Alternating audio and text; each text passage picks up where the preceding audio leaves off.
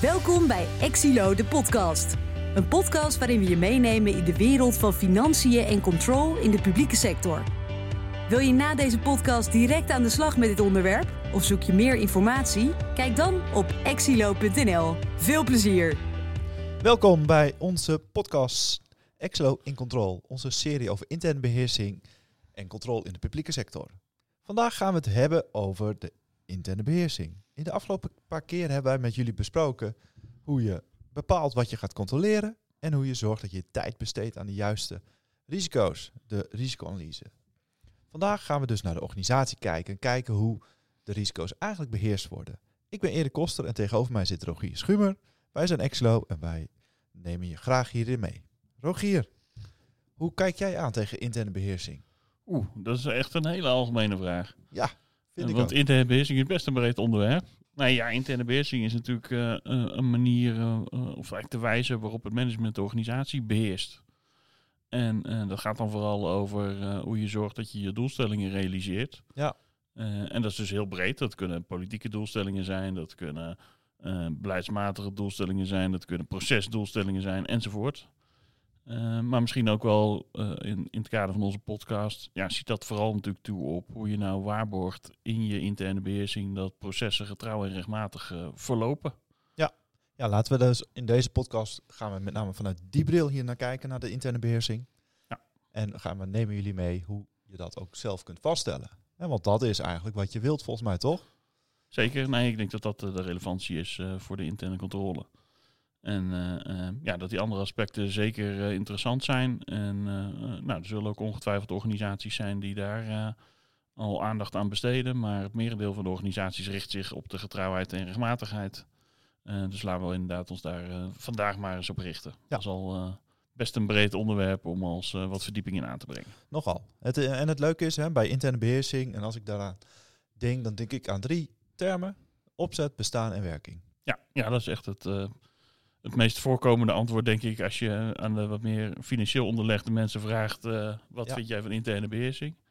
Kun je eens wat toelichten wat dan opzet, bestaan en werking is voor de mensen die misschien iets minder eh, financieel onderlegd zijn? Zeker, zeker. Laten we beginnen bij opzet. Hè, bij opzet gaat het erover van hoe heb je het proces in opzet, dus in theorie, hè, op papier staan, hoe het loopt. Ja, dus eigenlijk is dat eh, zeg maar de, nou, de ouderwetse procesbeschrijving of eh, tegenwoordig de, de flowcharts in eh, de verschillende systemen. Ja. Over hoe je, hoe je het proces hebt eh, ingericht volgens jouw ideaalgedachte. Ja, nou, en, eh, vanuit de interne audit hè, is het belangrijk dat je met de proceseigenaar in gesprek gaat daarover. En gaat vragen van, joh, hoe heb je nou je proces? Hoe, hè, dit zijn de risico's die wij onderkennen. Zie je die zelf ook? En hoe beheers je die nou? Ja, en daar zit denk ik ook gelijk het linkje naar de, de vorige podcast. Hè. Daar hebben we het echt gehad over de risicoanalyse. Ehm, nou, die risicoanalyse geeft natuurlijk bij uitstek de input om ook het gesprek te voeren over hoe het proces is opgezet. Want je zou verwachten dat die risico's natuurlijk ergens worden afgedekt in de interne beheersing. In opzet. In opzet, we nog steeds. Nog Ja. steeds in opzet, hè? Dus je, nou, wat, wat doen we vaak? We gaan vaak naar iemand toe. Hè? Dus bijvoorbeeld van, eh, nou, eh, neem inkoop. Hè, je gaat naar de, inderdaad eh, de inkoopmedewerkers toe of de administratie toe. Om te vragen van, joh, kun je me vertellen hoe jouw proces loopt? Kun je me het laten zien? Heb je het ergens beschreven? Heb je het zichtbaar? Nou, daar begin je eigenlijk met de opzet. Gewoon die goed te kennen. En dan is de vraag, ja, het is leuk dat je het in theorie zo hebt, in opzet.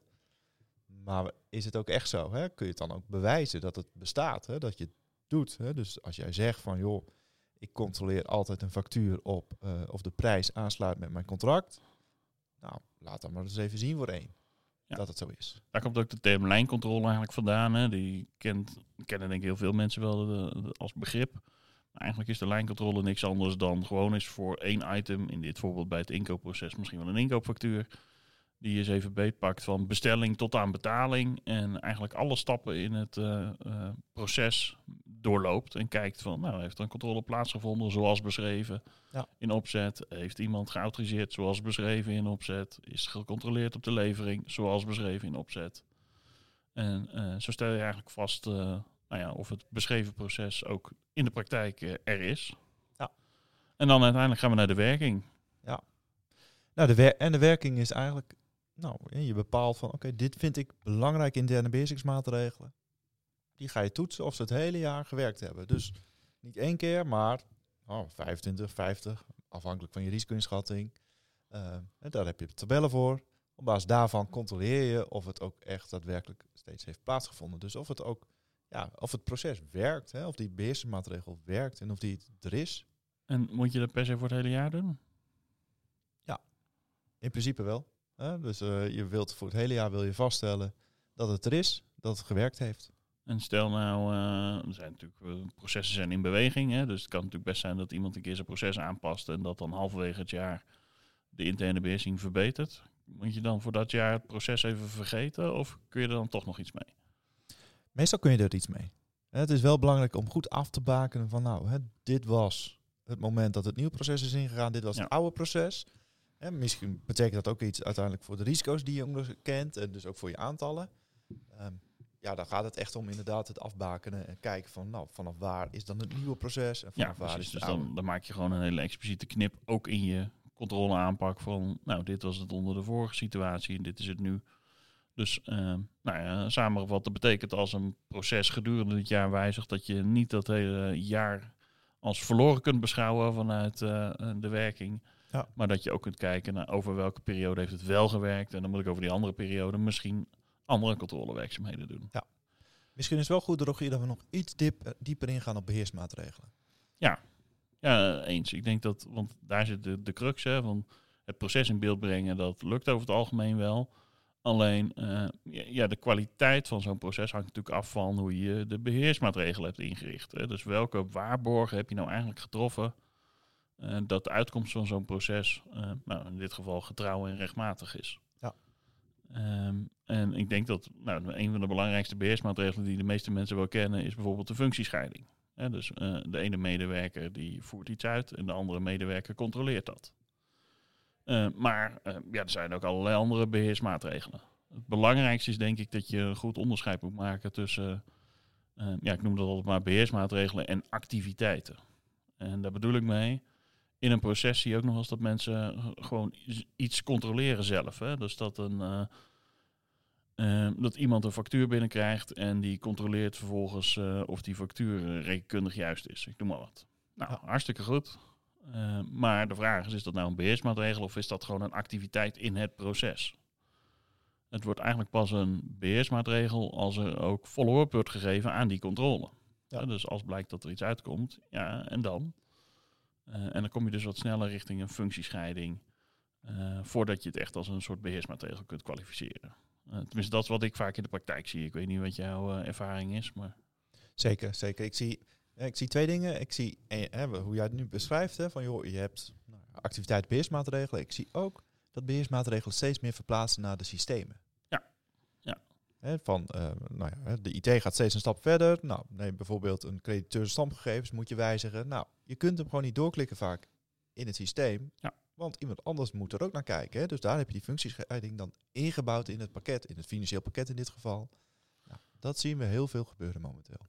Ja, en ik denk dat zal natuurlijk ook de toekomst uh, zijn. Hè? Dat er veel meer, uh, uh, steeds meer gedigitaliseerd wordt van processen. Ja. En ik denk ook dat dat, nou, dat dat helpend kan zijn, omdat het wat dwingender is. Je, zoals je net zei, ja, je kunt op een gegeven moment niet meer iets doorklikken als degene voor jou niet een bepaalde stap heeft doorlopen. Ja. dus er worden workflows ingebouwd, er worden autorisaties ingebouwd.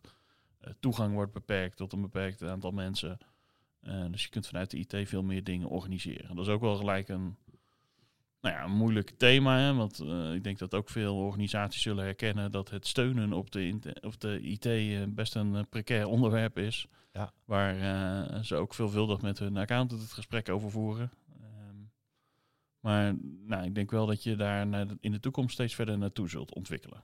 Ja, ja zeker, zeker. Het biedt heel veel kansen, hè, want daardoor kun je veel makkelijker de werking bijvoorbeeld vaststellen. Ja. Als het goed is ingericht. Ja. Uh, ja, biedt ook andere risico's hè, die, die we... Nou ja, bij een papieren handtekening had je die niet. En digitaal heb je gewoon andere risico's, hè, zoals we weten. Uh, nou, we, we, krijgen hier ook, hebben hier ook heel veel luisteraarsvragen over binnengekregen in onze volgende aflevering gaan we hier dieper op in. dan, uh...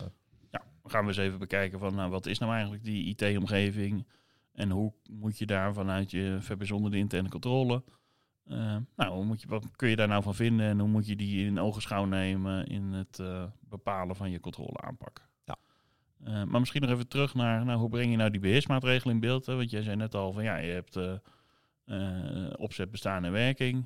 Vervolgens heb je nog, zeiden we, nou, de input vanuit de risicoanalyse. en je hebt nog het onderscheid tussen nou, wat is nou een beheersmaatregel en niet. Dat is al best een hele complexe nou, een best complexe omgeving waar je dan in zit. Dus zouden we nog onze luisteraars wat tips kunnen geven over hoe ze dit dan zouden kunnen vastleggen of kunnen registreren? Zeker, zeker. En want het is complex en als we het hebben over tips, dat is eigenlijk van joh, begin nou, nou hè, ik vind het zelf fijn, begin altijd met een lijncontrole. En dan zie je redelijk snel van oké, dit is een hele belangrijke weersmaatregel. En kijk ook, ja, je kunt er nee, je hebt er vaak geen tien of twintig in een proces. Nee, je hebt een aantal die zijn echt, nou ja, sommigen noemen ze het nog key control, maar dat zijn echt de belangrijkste controles in een proces. Focus daar ook op. Ja, en je zou als, want nou er zijn soms best processen, als je daar ook alle subprocessen en zo meeneemt, waar dan heel veel onwaarschijnlijke beheersmaatregelen in zitten. Um, het helpt ook om eens even na te denken van, oké, maar wat wil ik nou eigenlijk weten? En een, hulpje zou kunnen zijn om dat te doen aan de hand van bijvoorbeeld de criteria van de rechtmatigheidsverantwoording. Of uh, de beweringen, dus de standaard risico's die de accountant hanteert. Dan heb ik het, dat zullen de meeste mensen wel kennen. Over juistheid, volledigheid, afgrenzing, uh, presentatie en toelichting nou, enzovoort. Um, dat helpt namelijk ook om een beetje structuur te brengen. En dat helpt ook om te bepalen van, hé, hey, misschien heb ik ook wel vier beheersmaatregelen die hetzelfde risico afdekken. En ehm, ja, dan hoef ik er ook niet vier te beoordelen in mijn interne controle. Dan is er misschien eentje al wel voldoende. Ja. En dus het helpt niet alleen om uh, nou ja, in je vastlegging, maar het helpt ook om misschien wat meer uh, effectiever en efficiënter je controle uit te kunnen voeren. Ja, en dan bijkomend voordeel als je dat constateert, is dat je ook naar de proceseigenaar kunt gaan en soms zelfs kunt adviseren, joh, voor ons doe je wellicht te veel controles in je proces. Ja, misschien kun je wel wat links of rechts een controle niet meer doen, omdat je later in het proces of eerder in het proces al een andere controle uitvoert. Ja. ja. Uh, misschien helpt het wel, we kunnen voor onze luisteraars wel even de, zeg maar, de standaard risico's in de show notes opnemen van deze podcast. Uh, als een soort geheugensteuntje op het moment dat je dan een proces gaat uh, bespreken met de proceseigenaar, om die nog eens even mee te nemen. en eens even jezelf de vraag te stellen van oké, heb ik nou voldoende zicht op deze standaard risico's in het proces. Ja. Uh, daar gaat het bijvoorbeeld ook over. Um, nou, vaak zien wij in het in beeld brengen van een proces dat dat stopt bij een proceseigenaar. En dan neem ik even het salarisproces. En we brengen in beeld hoe het salarisproces loopt tot en met de salarisbetaling. Maar het stapje van oké, maar hoe landen nou de salariskosten in de financiële administratie? Nou, dat stapje ontbreekt dan weer vaak in het in beeld brengen van die interne beheersing. En door het langs die standaard risico's te doen, um, krijg je eigenlijk ook een soort checklist op volledigheid van je eigen procesbeschrijving. Uh, ja. ja. Waarbij het ook belangrijk blijft, houdt ook, probeert ook overzichtelijk te houden ja. hè, voor jezelf. Want daar zien we veel de mist in gaan. Hè, hele uitgebreide procesbeschrijvingen, uitgebreide uh, beheersmaatregelen. Ja, op een gegeven moment ben je het overzicht kwijt. Hè? Dus hier is de crux ook. Hou het overzicht, hou het ja, keep it simpel. Uh. Ja, keep it stupid simpel. Gewoon gericht op wat heb je nodig. Um, dus ons advies is ook, probeer niet hele processen te gaan beschrijven, maar identificeer beheersmaatregelen en richt je daarop. Ja. ja. En uh, laat de rest even voor wat het is, want het is even niet minder relevant voor, uh, uh, voor wat je vanuit je interne controle wil weten. Ja, we hebben nog een luisteraarsvraag binnengekomen, gekregen, sorry, over soft controls. Van hoe kun je nou soft controls vaststellen? Best interessant inderdaad, hè, want ja, wij kijken vaak uh, nou, gewoon heel hard. Hè. We willen de werking zien, we willen het uh, zien gebeuren, we willen het vaststellen. Maar ja, wat zijn soft controls? Hè? Laten we daar eens mee beginnen. Rogier, wat zijn soft controls? Um, ja, soft controls is natuurlijk eigenlijk alles wat ja, wel geen hard controls zijn. Hè, maar misschien kan ik het wel het beste uitleggen door het maar te omschrijven. Um, als je kijkt naar een proces, dan is eigenlijk een hard control vooral van dat je vanuit de organisatie voorschrijft. Wij willen graag dat je iets op een bepaalde manier doet. En dan zit de soft control kant er meer op dat je verwacht van mensen dat ze de intrinsieke motivatie hebben om het op een bepaalde manier te doen. Dat is eigenlijk een wat andere benadering. Um, waarin je een soort van algemene kaders geeft aan mensen, maar vooral ook steunt op, uh, ja, ik noem het maar de normen en waarden van de organisatie en de mensen die daarbinnen functioneren. Eh, want uiteindelijk zijn het wel de mensen die het moeten doen. Ja. Dus je kunt heel veel hardcontrols inrichten, maar als je softcontrols niet op orde zijn, dan, ja, dan zeggen die hardcontrols ook niet zoveel. Hè. Ik denk een, een mooi voorbeeld daarvan is eh, dat we nog wel eens zien nou, dat er ergens een, een vinkje of een handtekening moet worden gezet, een hardcontrol. En als je dan met iemand het gesprek gaat voeren over waar, waarom staat die handtekening of dat vinkje er dan, dat mensen eigenlijk dat niet zo goed kunnen uitleggen. Zeggen ja, omdat we dat gewoon zo hebben afgesproken, omdat dat moet. Nou, en dat geeft denk ik het belang aan van softcontrols. Die handtekening heeft alleen maar meerwaarde als iemand dat doet met uh, de intrinsieke motivatie van, goh, ja, ik vind het belangrijk om hier een controle uit te voeren en daarom zet ik mijn handtekening als uiting daarvan. Ja. Maar de, eens, hè, helemaal eens met dit.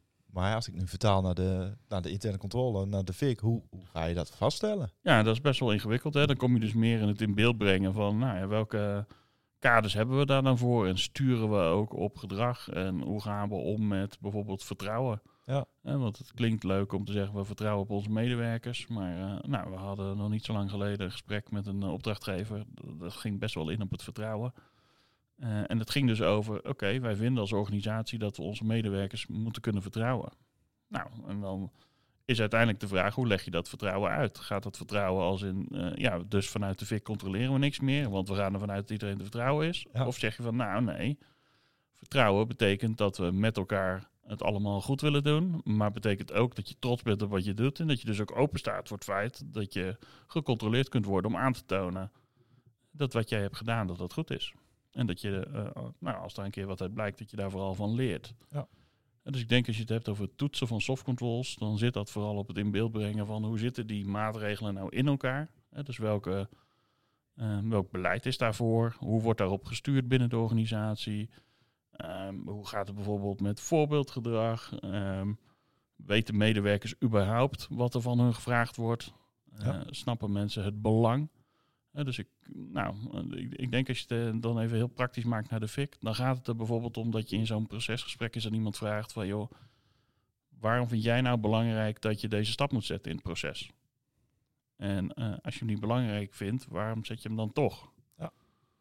Uh, want, en door dat meer expliciet te maken, krijg je denk ik ook veel meer waarde in, die, uh, nou ja, in het in beeld brengen van zo'n proces. Ja. Ik weet niet of jij nog voorbeelden hebt uit de praktijk. Nou, ik, ik heb wel voorbeelden, maar meer. Ik zie, heb, ik zie ook soms hè, dat je nou, het per proces doet, maar ook dat je gewoon overal het in Ja. beeld brengt. Hè? Dat je zegt van nou, dat je gewoon start in plaats van eh, meteen de diepte ingaan, maar eerst eens even naar de organisatie kijken van oké, wat zijn hier nou de softcontrols? Ja. Hoe vinden wij nou, hè, als FIC weet je het, hè, je zit in de organisatie, dus jij kent ook die organisatie goed, je weet hoe de ja, cultuur, hoe, het- hoe het is in de organisatie. Ja. Hoe de toon at de top is, hè, een veel gehoorde uitspraak Ja. natuurlijk, hè, van hoe wordt er gestuurd, hoe is het voorbeeldgedrag ook van management, college, directie, bestuur. Ja. Eh, en, en wat merk jij daarvan als medewerker van de organisatie? Hoe wordt er omgegaan met jouw eh, uitkomsten, bijvoorbeeld hè, van de FIC? Hè? Wordt dat eh, breed uitgezet in de organisatie? Wordt dat breed gedragen? Dat geeft een ander gevoel, een ander beeld bij eh, de organisatie dan altijd ergens, oké, waarvan akte en we gaan over tot de orde van de dag met je uitkomsten.